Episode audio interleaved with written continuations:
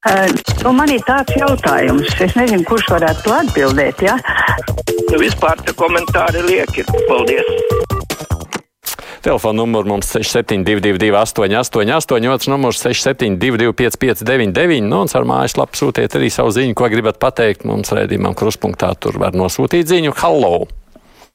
Labdien! Labdien. Es nu pat noklausījos visu raidījumu. Nu, visi gudrie cilvēki tur runā riņķi un apkārt.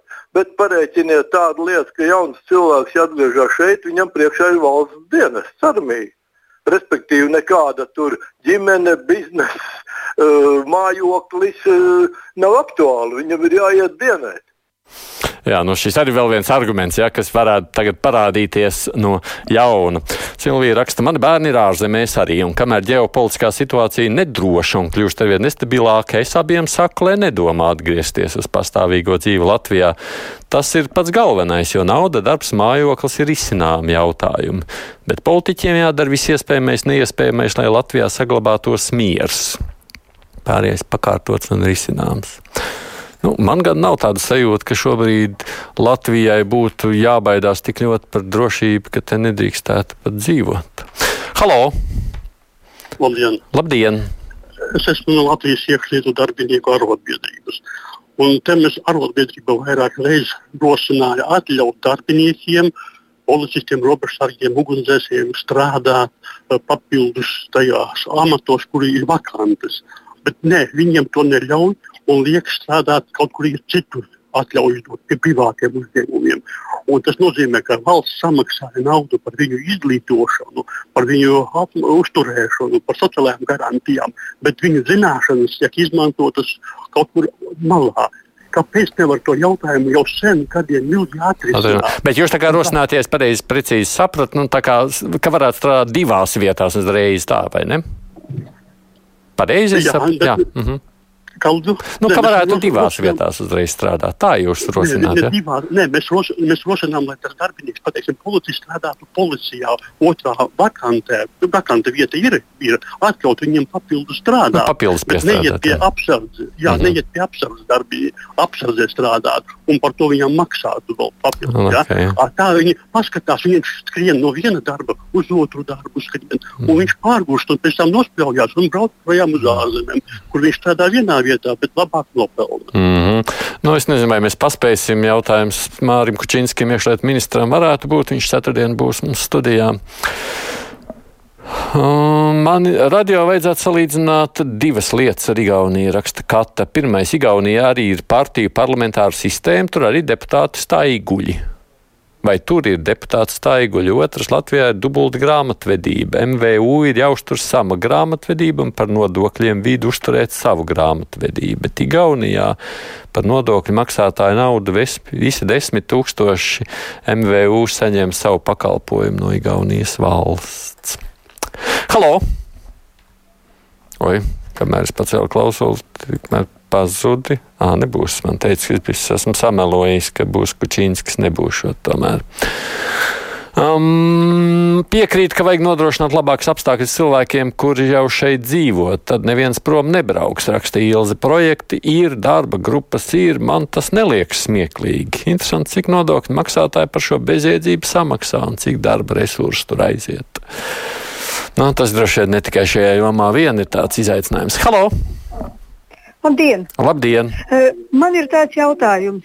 Eh, ko nozīmē ielaist migrantus eh, humānu apsvērumu dēļ? Kas tie pa humāniem apsvērumiem un kas to lemj? Uh, laikam ir runa par tiem, kas brauc no Baltkrievijas. Nu, kaut kur jau tas ir skanējis kaut kādā brīdī, vai ne? Ja tur ir īpašs veselības, vai nezinu, grūtniecība vai kaut kas tāds, bet es īsti nezinu. Un varētu kāds ātri man nokomentēt, es baidos samelot tāpatās, kā jau tikko vienā lietā.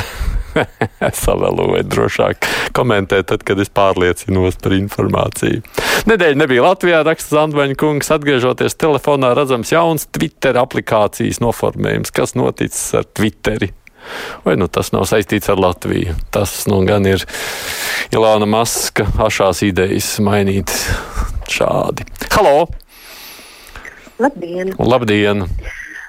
Šodien, šobrīd, jā, daudz jaunu ģimeņu ar vienu, diviem, trījiem, pat četriem bērniem uh, grib emigrēt tādēļ, ka viņi nevar apmaksāt mājokli no viņu nopelnītās naudas. Viņiem nepietiek. Un, uh, Andris Čūda, viņš jau ir arī Jurmāls deputāts bijis, un viņš zina ļoti labi, ka Jurmalā ir vismaz 4 vai 4,5 tūkstoši tukši dzīvokļi, ko ir cēluši krievžīdi par nozagto naudu, kura tika daļēji arī uh, atmazgāta un dalīta ar Jūrmālas domas vadību. Es nerunāju par Andru, Andris vienmēr bijis opozīcijā. Vai nevarētu šos dzīvokļus piešķirt mūsu jaunajām ģimenēm? Nevarēšu komentēt, protams, labs jautājums, uz kur droši vien būtu jāuzdod um, viņam. Es gan jāpiebilst, nu, diez vai emigrācija dzīvokļu apmaksas dēļ būs risinājums, tāpēc, ka, ja runājam par mājokļiem, tad pilnīgi noteikti ārpus Latvijas mājokļi bieži dārgāk nekā Latvijā. Tā kā tur vēl ir arī citi izaicinājumi.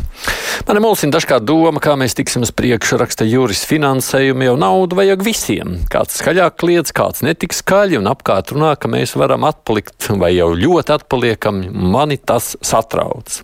Gribētos arī domāt, ka citus tas neliek mierā un ceru, ka rīcība, ideja, plāns vai kas cits jau tiek veicināts, lai varētu atkal ķerties ātrāk pie darba. Halo! Informēju. Nu. Ja gribat problēmas, tad kļūstiet par klientu AB leasings. Tas Lielvirbas iela 17a. Nomaksāju leasingu laicīgi visos termiņos. Pēc tam jāpāraksta mašīna uz manu vārdu. Tad uzvana un piestāda kaut kādu mutisku nesaprotamu rēķinu ar atpakaļējušu datumu. Solījumu un draudu visu laiku seko tur par to mašīnu izsludinās meklēšanā. Tad es gaidu, kas tur turpmākos notikumus. Bet no jebkurām jau naudas prasībām kaut kāds pamatojums arī jūs gadījumā, ko Jā, te viņi skaidro? Man viss ir, viss krīzes, viss man ir kārtībā labākajā. Bet redziet, ka, tie nav tādi normāli cilvēki kaut kādi. Jā. Nu, droši vien, ka jums vajag iet patērētāju tiesību aizsardzības centrā šeit, nu jūs nevarēšu neko komentēt. Šeit būtu jāredz konkrētāka situācija, bet nu ne mums. Um, kāda atgriešanās skolās, taču vēl vairāk laukos slēgs. Slimnīca arī likvidēs, pēdējais novadā maksās nodokļus, vairs nestrādās, pasta nav, novada pārvaldes tālu, transports neiet, kur tad, lai tie normāli domājošie atgriežas, raksta Iveta. Es domāju, ka mēs vienu diskusiju varētu kaut kad tuvākajā laikā parunāt tieši runājot par šo, nu nevis tieši atgriešanos, bet par reģionālo attīstību kā tādu, nu, kā jūs rakstāt, jā, nu, tā tad nav pakalpojums saņēmēji, pakalpojums samazina. Līdz ar to tas arī tāds saburtais lokus, kurā mēs ieraujam paši sevi. Halo! Jā, lūdzu, runājiet! Es sevi dzirdu, atbalstīju, bet uh, jūs nedzirdat, tāpēc uzklausām citu. Halo! Labdien! Labdien! Es klausījos interviju, un nu, tiešām diezgan bēdīgi tas izklausās. Ja cilvēki nespēja saprast, ka nevis attieksme pret vai attieksmes maiņa pret aizbraukušiem kaut ko mainīs, bet tieši attieksmes maiņa pret neaizbraukušajiem. Jo visi šie aizbraukušie principā ir bijuši šeit vietēji iedzīvotāji. Un kaut kādas darbības vai bezdarbības rezultāts viņus spieda aizbraukt. Un vērtējums jau būs no tā, kas notiek tagad ar šeit dzīvojošajiem, kas viņiem lems, nu, vai būs tas, kāpēc viņi atbrauks atpakaļ vai neatbrauks. Tas ir muļķīgi. Kā, no kā jūs, par, par kuru attieksmi jūs domājat, no kā jūs sagaidītu citu attieksmi kādā jomā? Nu, ja, ja mēs vispār pieļaujam tādu iespēju, ka uh, valsts uh, varētu kaut ko darīt, lai vērsta par labu visu, tas nozīmē, ka viņa kaut kādu laiku atpakaļ nav darījusi vai ir darījusi kaut ko, kāpēc šie cilvēki ir aizbraukuši. Un šie te, šī, te, šī te darbība joprojām turpinās. Nekas jau nav mainījies. Nē, nu, lielā mērā jau mēs zinām, nu, tā kaut vai tāpat 2008. gada krīze, protams, ka tā bija arī valsts bezdarbības rezultātā radusies, un tam jau tur tik daudz iegāja parādu jūgā un arī aizbrauca. Es arī ļoti gaidu rudeni ar cerību uz kaut kādu straujāku kustību un attīstību. Klausoties gan valdības, gan Rīgas domas pārstāvis, tiešām neizskatās, ka Latvijas atpalīdzība kādu nopietni uztrauktu, rakstā Agnese. Nu jā, mēs redzam, valdībā tā muļāšanās arī ir bezgalīgi šķiet reizēm pat. Halo! Tā tāds priekšlikums, tā, ka jaunajiem ģimenēm nav dzīvokļu, mums ir totāli totāl nav dzimstības.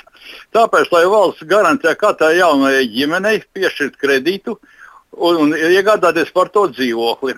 Un, teiksim, piemēram, pēc pirmā bērnu sēdz pirmais bērns piedzimis, noraksta 25%, otrais noraksta 50%, pēc trešā noraksta 75%, un pēc ceturtā valsts noraksta visus 100%. Un mm. dzīvokli būs četri bērni un būs dzīvoklis. Saprotu, ka tas dārgi izmaksās. Bet tādā gadījumā nedodiet pensionāriem. Viņi tā kā tā badēlnieks nebūs, bet ja nebūs bērnu, tad arī pensionāri sāks mirt badē, ja nebūs, kas te dzīvos un strādās. Oh, esat ļoti cinisks un ļoti dāsns no otras puses. Jā, Dedu, skani labi. Jā, jautājums, vai varam tiešām ko tādu, ja, kad atļauties. Jā, pilnīgi piekrīt iekšlietu arotbiedrībai. Nu, ļaut strādāt vienā vietā, raksta Viktors. Citādi valsts iztērē naudu policistu izglītošanai, tad ļauj strādāt otrā darba vietā pie cita darba devēja, kurš par policistu izglītošanu taču ne centa nemaksāja. Kas par to atbildēs? Vēl viens par to pašu tematu. Vēl pēdējais zvans. Halo! Halo! Labdien! Labdien. Tāda aktīva tendence cilvēks dzīvo Latvijā, bet strādā Skandināvijā. Vienu mēnesi šeit, vienu mēnesi tur. Mm, vai tas ir slikti? Nē, tas ir ļoti labi, un tas aizvien vairāk izplatās. Jā. Nu, pašreizējais mobilitātes iespējas tiešām šādu iespēju piedāvā. Un, jā, taisnība. Šis ir viens tāds veids, kā cilvēki Latvijā arī var nopelnīt. Jā, nu, acīm redzot, grib vai negrib, darbdevējiem jādomā ko tad likt pretī.